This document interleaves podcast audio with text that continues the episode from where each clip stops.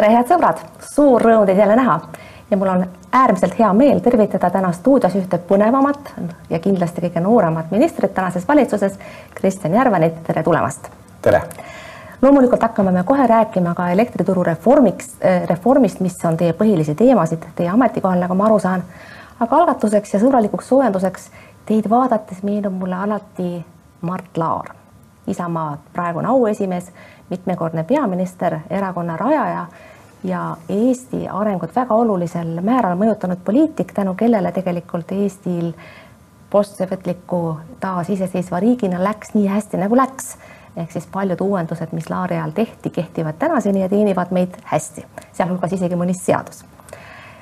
missuguse pilguga vaatate teie Laari pärandit, mida olete õppinud oma erakonna tänasest, tänaselt auesimehelt? Ma arvan, et äh, väga palju ja pigem just äh, seda, kui me vaatame, kuidas meie teised äh, sõbrad, kuidas neil elu läks pärast Nõukogude Liidust lahkumist, et need reformid, mida, mida Eestis tehti, panid aluse kõigele sellele mõistlikule ja heale kasvule, mis meil on hiljem olnud. et kõik, eks seal oli ka väikseid probleeme kindlasti, nagu ikka kasvuolud. aga, aga tõepoolest, nii nagu te ütlete, et, et kõik see heaolu, mis meil on täna tekkinud, suuresti need, need süsteemid, mis toona paika sai ja see hea tahe, mis seadustesse ja meie ametkondadesse sellel ajal siis tekitati, ongi, ongi kõige selle hea põhjus miks ma teid Laariga võrdlen, on muidugi teie vanus. mina olen viimane inimene, kes noorust kellelegi ette heidaks, sest see viga teatavasti paraneb iga päevaga ja mingi viga see üldse ei olegi. aga teie äh, saate kolmekümne kaheksa aastaseks alles sügisel ehk siis äh, see vanus, millega peaminister Mart Laar peaministriks sai, on teil alles saav, nii-öelda saavutamisel ja mulle tundub, et kui vanus kõrvale jätta, siis teil ilmselt Laariga väga palju ühist ei ole mida näiteks arvaks eh, Mart Laar viisist, kuidas te ministriks saite?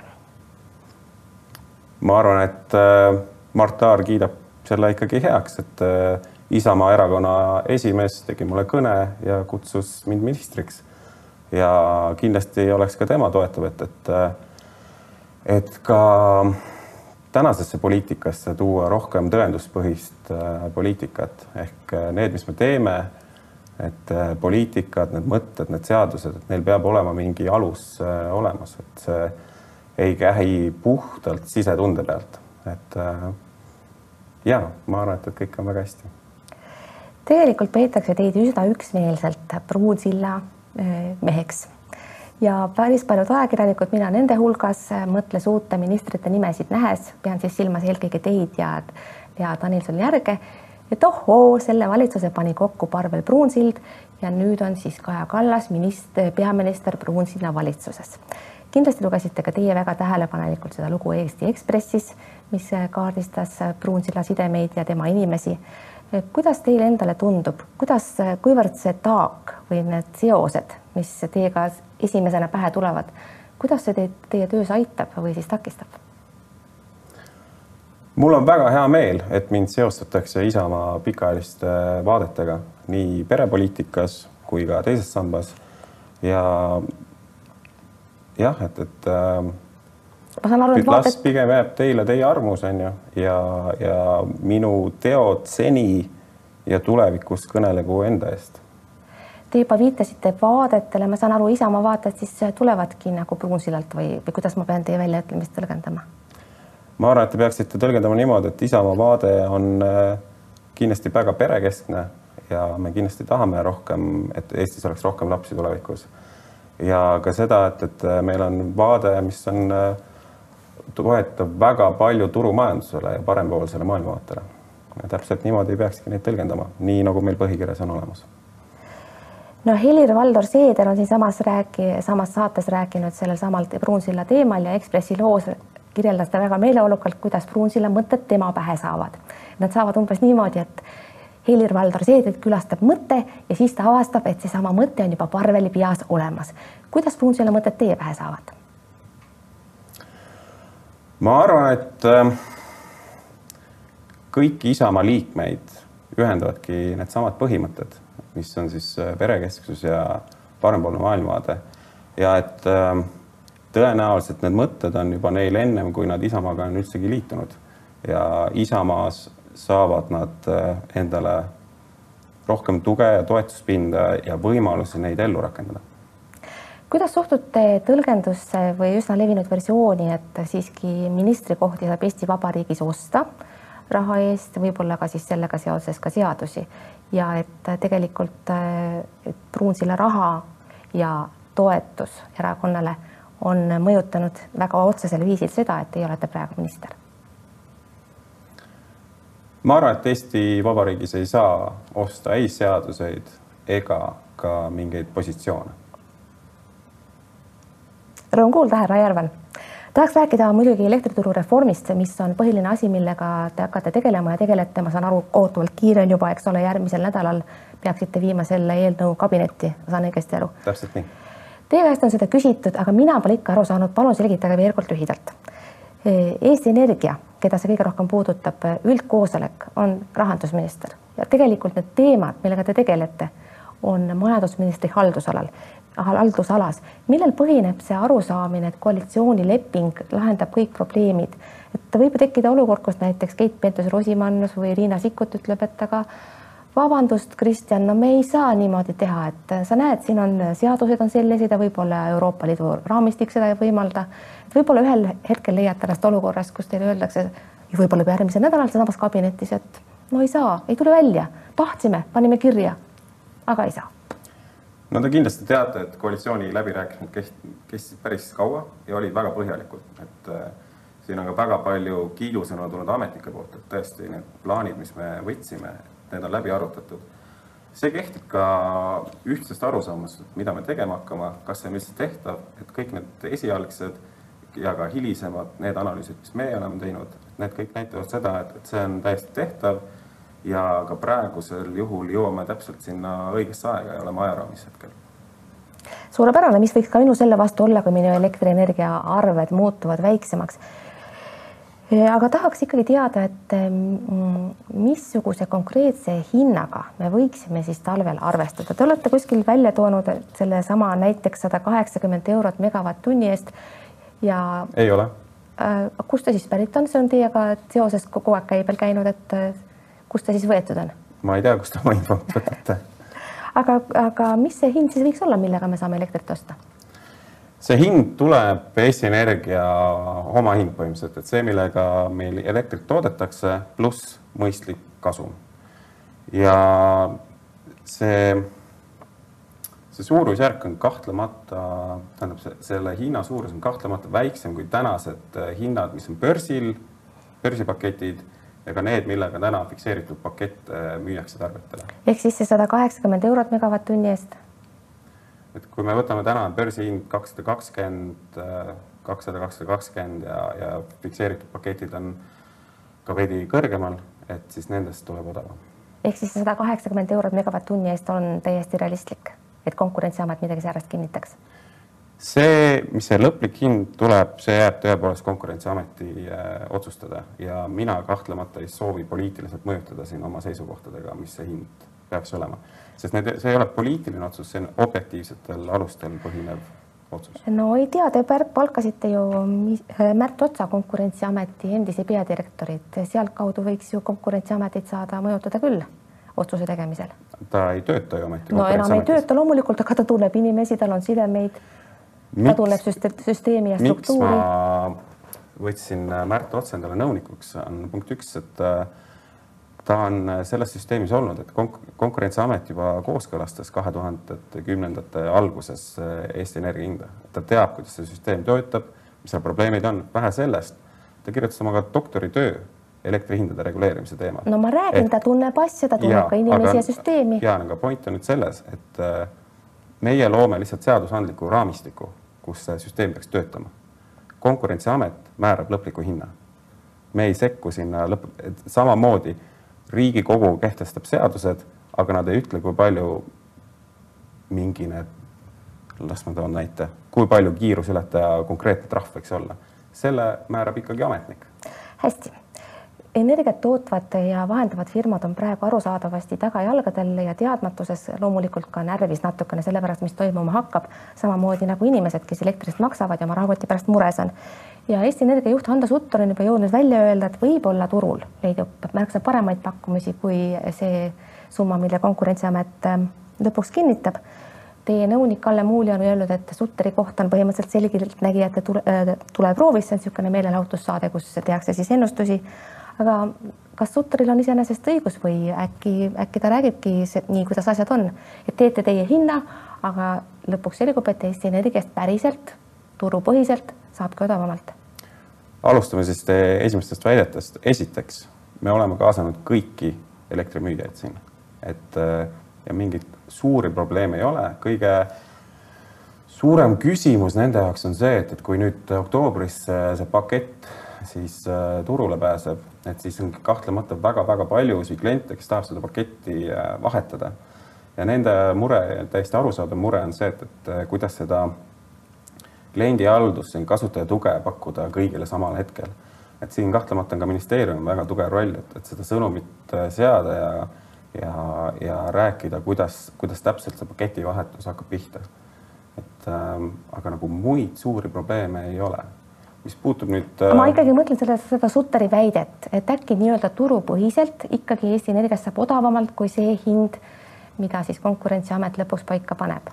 ma siiralt kahtlen selles hästi. koos selle aruteluga olete ka teie viidanud ja on viidanud ka Eesti Energia kunagine juht Sandor Liive, et Nord Pooli süsteem on läbipaistmatu ja ka teie olete viidanud sellele, et börsireeglid praeguses maailmas enam ei toimi kas te saaksite palun äh, selgitada lühidalt, millel selline arusaamine põhineb? sest noh, miks ma küsin, kui börsil oli elekter odav, siis oli see meile hea küll ja nüüd ta enam ei ole odav, nüüd ta meile ei kõlba ja siis me ütleme, et kuradile see börs, see on natuke veider ju. selles suhtes, et vaba turg reeglina ikkagi töötab väga hästi, mis, äh, mis pikaajaline probleem elektriturul on see, et meil ei ole piisavalt tootmisvõimsusi. tänane hind kahtlemata soosib väga tugevalt uusi investeeringuid tootmisvahenditesse. aga paraku selle turu iseloom on see, et, et need tootmisvahendid jõuavad alles aastate pärast turule.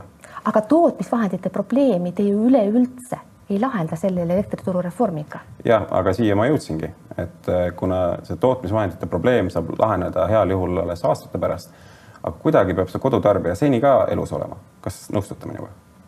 Mul oleks muidugi hea meel, kui mu elektriarved no, väheneksid, aga ma tahaksin ka, et see süsteem oleks jätkusuutlik. jah, väga hea, et äh, selles, selle point ongi see, et, et äh, lisaks pikaajalistele lahendustele, mille, mida kahtlemata uued tootmisvõimsused on, on meil väga vaja lühiajalisi lahendusi ja selleks me olemegi turule sekkunud ja pakume universaalteenust. hästi, aga mis seal Nord Poolis ikkagi toimub? paljud nurisevad, et nad ei saa aru, kuidas see hind tekib. vaatan minagi iga päev neid numbreid ja loen, loen autoriteetide arvamusi ja mul, mul on tekkinud sama küsimus, et miks nad siis ikka nii kõrged on. ma ei taha, et te esitaksite neid kõiki neid levinud põhjendusi, mida me oleme harjunud kuulma, aga millest selle süsteemi enese läbipaistmatus tuleneb? kas te seda saaksite lühidalt selgitada, palun? kõik elektrituru äh, reeglid põhinevad Euroopa Liidu õigusel. me kõik teemad saavad sealt hakkama, äh, alguse. see probleem ongi selles, et, äh, et ka Euroopa Liidu reegleid me ei saa nii kiiresti muuta. ja aga see häda on Euroopa Liidus? probleem on Euroopa Liidu äh, turureeglites hetkel, et tõepoolest ma arvan, et nagu te ennem välja tõite, siis ju aastaid on meil väga odav hind olnud ja me oleme sellega väga rahul olnud aga sellises olukorras, kus äh, Venemaa ründab meid oma energiarelvaga, siis, äh, siis on ilmnenud teatud turutõrked ja, ja siin tuleb kahtlemata tuleviku jaoks äh, välja mõelda uued reeglid. hästi, peaksime paar sõna rääkima ka teisest sambast, mis on olnud teie lemmikteemasid ja, ja millega seoses te olete siis ju ka Isamaa sellises mõtteväljas olnud pikemat aega väga huvitava ülestunnistuse tegite te ajakirjanduses, kui te ütlesite, et teie endal on seal raha teises sambas ikka alles, sest te olevat jõudnud oma korteri välja osta enne, kui raha nii-öelda vabaks lasti. kas te siis tõesti oma teise sambaga rahaga midagi paremat peale ei osanud hakata? kõik pidid investeerima hakata ja teie siis nagu ei hakanud või kuidas? ma arvan, et äh, esiteks kinnisvara on Eestis olnud äh, kõige parema tootlusega instrument, see ei tähenda, et on tulevikus aga loomulikult isiklikus perspektiivis, äh, kui me arvust, arvutame ka sinna sisse kasutuseelise, et ma saan reaalselt oma kinnisvaras elada, on ju, et äh, sellisel juhul see on olnud üks parimaid investeeringuid ja. aga teie teise samba raha seisab ikka sealsamas? ikka veel? teises sambas. see pole ja. muutunud. aga kas see pole natuke naljakas, et teise samba lammutamise ideoloog hoiab oma raha seal ikka ise edasi? Ma olen ta hetkel sinna jätnud, sellepärast et äh, järgmiseks korteri ostuks veel kogu raha ei ole koos, et see, mis mul teises sambas on, et see üksinda sellest ei piisa, et kinnisvara jätkuvalt juurde osta. teise korteri ostate investeeringuks või soovite laiendada elamispinda? ehk siis selgub, kui äh, see hetk on käes, mis olukord on turul, mis olukord on mul likviidsete vahenditega ja kõikidest muudest kaasnevatest olukordadest. mis häda teil Eesti Panga kallal oli minna? Ma pean silmas teie arvamusartiklit Postimehest, lasite Eesti Panga pilbasteks, olles vaevalt saanud ministriks, õiendasite vanu arveid. milleks seda tarvis oli? Eesti Pank ei pidanud teid isegi diskussiooni vääriliseks, nad ei vastanud teile mitte midagi. milleks teil tarvis oli seda? kas te lugesite seda artiklit? no muidugi no kuidas teie ise sellest aru saite? aga kas võiksime kokku leppida, et täna esitan mina küsimusi teile ja pärast saadet vastupidi? ja aga siis mul on vaja aru saada, et mis teie nagu see teadmiste põhi on, onju, et mille pealt oma vastused, siis ma tean, kui palju ma pean selgitama, et, et kui ma lihtsalt oma artikli minu küsimus oli, et mille, ei, artiklit ei ole vaja, inimene mm -hmm. võib mhm. selle ise üles otsida ja lugeda, mis seal kirjas okay. oli, aga küsimus on selles, te olite saanud äsja ministriks. Eesti Pank on riiklik institutsioon, institutsioon mm, -hmm. millel on päris suur usaldusväärsus. kes Nii. on teid kritiseerinud koos paljude teiste institutsioonidega Te...? millistega siis? Centaur Praxis, nimetades esimesi pähe tulevaid ja siis lasete järsku kogu paugu Eesti Panga pihta, olles äsja saanud ministriks. küsimus oli, miks seda tarvis oli? sellepärast, et see probleem on lihtsalt nii tõsine Eesti Pangas minu jaoks ja ka kindlasti ka teiste jaoks, et kui seda välja tuua, et siis äh, kui te seda artiklit lugesite, siis äh, kindlasti te nägite seda, et, et äh, Eesti Pank just selles teise samba teemas on väga ühekülgne olnud, et võiks isegi öelda poliitiline. Ja ühel apoliitilisel organisatsioonil, kelle tõepoolest, nagu te välja toote, on väga tugev maine, ei saa niisugust olukorda lubada, et see, see, see lihtsalt lõhub nii tugevalt riigi mainet ja usaldusväärsust Eesti Pank hävitab Eesti riigi usaldusväärsust, ütles minister Järven. täpselt nii. Need on tõesti kõvad sõnad. kahjuks ei jõua me sel teemal lähemalt peatuda, aga ma arvan, pealkiri on siit sündinud. Teise vaataja, teise sambaga seoses on vaatajal küsimus, mis on minu meelest väga õigustatud võib-olla keeruline küsimus, aga lühike vastus. kas on õiglane, et teisest sambast lahkunud inimesed saavad tulevikus esimesest sambast rohkem kui teises sambas jätkanud? jah. teine küsimus ka veel. kas magistrikraadiga inimesel, kes täna investeeris teisest sambast vabanenud raha puhkusesse palil, on mingisugune moraalne õigus tulevikus ajada käsi teiste maksumaksjate rahakotti? Jah. jah jah, kui ta on valija, siis tal on loomulikult õigus valida edasi, et see on demokraatliku riigi aluspõhimõte. hästi. härra Järvan, jäänud meile jäänud minutite jooksul tahaksin ma teiega rääkida natukene teie kurikuulsast ettevõttest, mida on ajakirjanduses üsna üksmeelselt hakatud nimetama spermapangaks. ma vaatasin, et äh, see ettevõte on endiselt tegev, kuigi tal on kadunud ära eestikeelne äh, sisu sellel leheküljel Immortalis com ei ole küll kunagi olnud teie nime, aga on avalikult teada, et teie selle rajasite ja, ja ma saan aru, see ettevõtmine toimib praegu edasi, kui te olete ka minister. kas ma saan õigesti asjadest aru? kõik küsimused äh, olen ma sellel teemal juba vastanud eelnevates intervjuudes, enne kui ministriks sain. ja nagu te hästi teate, siis minister juhatuse tegevuses ei osale ja nii ka siin aga kuna see on niivõrd unikaalne ettevõte Eesti turul, siis ma mõne sõna tahaksin sellest siiski teiega rääkida. ma pean teid korraks siin peatama, et ministrina tõesti ma ei soovi reklaami teha oma ettevõtetele. ja seda te olete korduvalt öelnud, aga mm -hmm. te ei peagi reklaami tegema, tahaksin kõigepealt pärida võib-olla täitsa süütut asja, näiteks õigekirjasse puutuvat, et te ilmselt olete mõelnud äh, sellele ettevõttele nime pannes ladina sõnale immortalis, mis kirjutatakse kahe M-iga, kust teil see üks M kaduma läks? et tõesti rohkem ma reklaami ei soovi oma ettevõttele teha. Te olete rääkinud ka sellest, et te ise sooviksite väga lapsi saada ja et teil hetkel pole elukaaslast, kellega neid lapsi saada. ja võib-olla, kui te selle ettevõtmise kord rajasite, siis te mõtlesite ehk selle peale, et ka teie ise võiks olla see rahakas mees, kes maksab siis äh, üheksakümmend üheksasada üheksakümmend üheksa ja siis kuni kümme tuhat eurot selle teenuse eest ja leiab niimoodi naise, kes sünnitab talle lapsed. kas see võis olla mõttekäik, kui see ettevõte kord sündis? Ma arvan, et ka sellele küsimusele ma olen eelnevalt vastuse juba andnud. ma ei küsiks seda, kui see vastus oleks kuskil kõlanud. küsimus oli, ma kordan. see vastus on kuskil kõlanud aga meie vaataja ei ole seda kuulnud, olge nii hea, ma tuletan veel kord meelde, küsimus oli, et kui te selle ettevõtmise kord lõite, kas te kujutasite ka ennast võib-olla ette selle võimaliku kliendina või sellise teenuse tarbijana? ma arvan, et kui äh, siis teie kuulajad guugeldavad, siis nad leiavad selle vastuse. aga siiski te võiksite tulla vastu ja vastata veel kord. Paraku ministrina ma ei reklaami oma ettevõtteid see on muidugi hea vastus. iseenesest äh, kui palju võiks olla neid inimesi teie hinnangul üleüldse Eesti turul, kes särast teenust kasutavad paraku ma ei reklaami oma ettevõtet. kas see, et ettevõtte koduleht on praegu ainult inglise keele, tähendab seda, et olete Eesti turult lahkunud? jätkuvalt ei reklaami oma ettevõtet Kalle Muuli on teile andnud nõu korrata ühte sama vastust mitu korda, et küll siis see torm läheb mööda ei, see on äh, lihtsalt, tuleb täielikult loogikast, on ju, et äh, minister ei tegele oma ettevõttega. see on ju, tuleb äh, kõikidest reeglitest, mis on ministrile kehtestatud, te ju saate sellest aru. sellest ma saan täiesti aru, kuid Eesti turul on väga, kuid Eestis poliitikas on väga vähe ministreid, kellel on olnud oma spermapank, sellepärast ma tahtsin sellest teemast teiega rääkida. Ja ma saan aru, te ei ole kahjuks kuigi kaldis minuga kaasa tulema, pole parata. kahjuks küll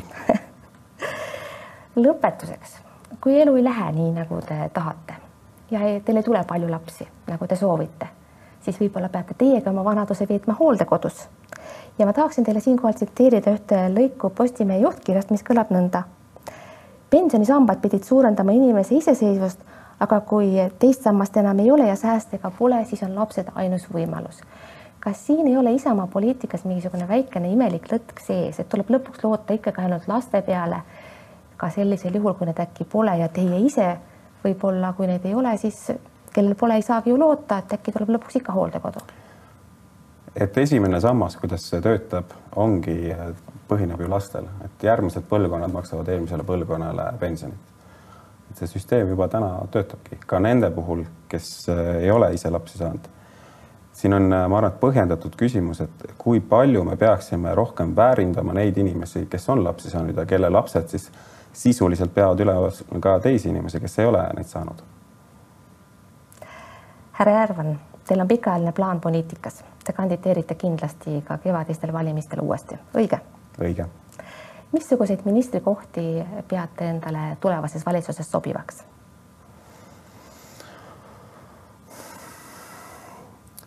ma arvan, et äh,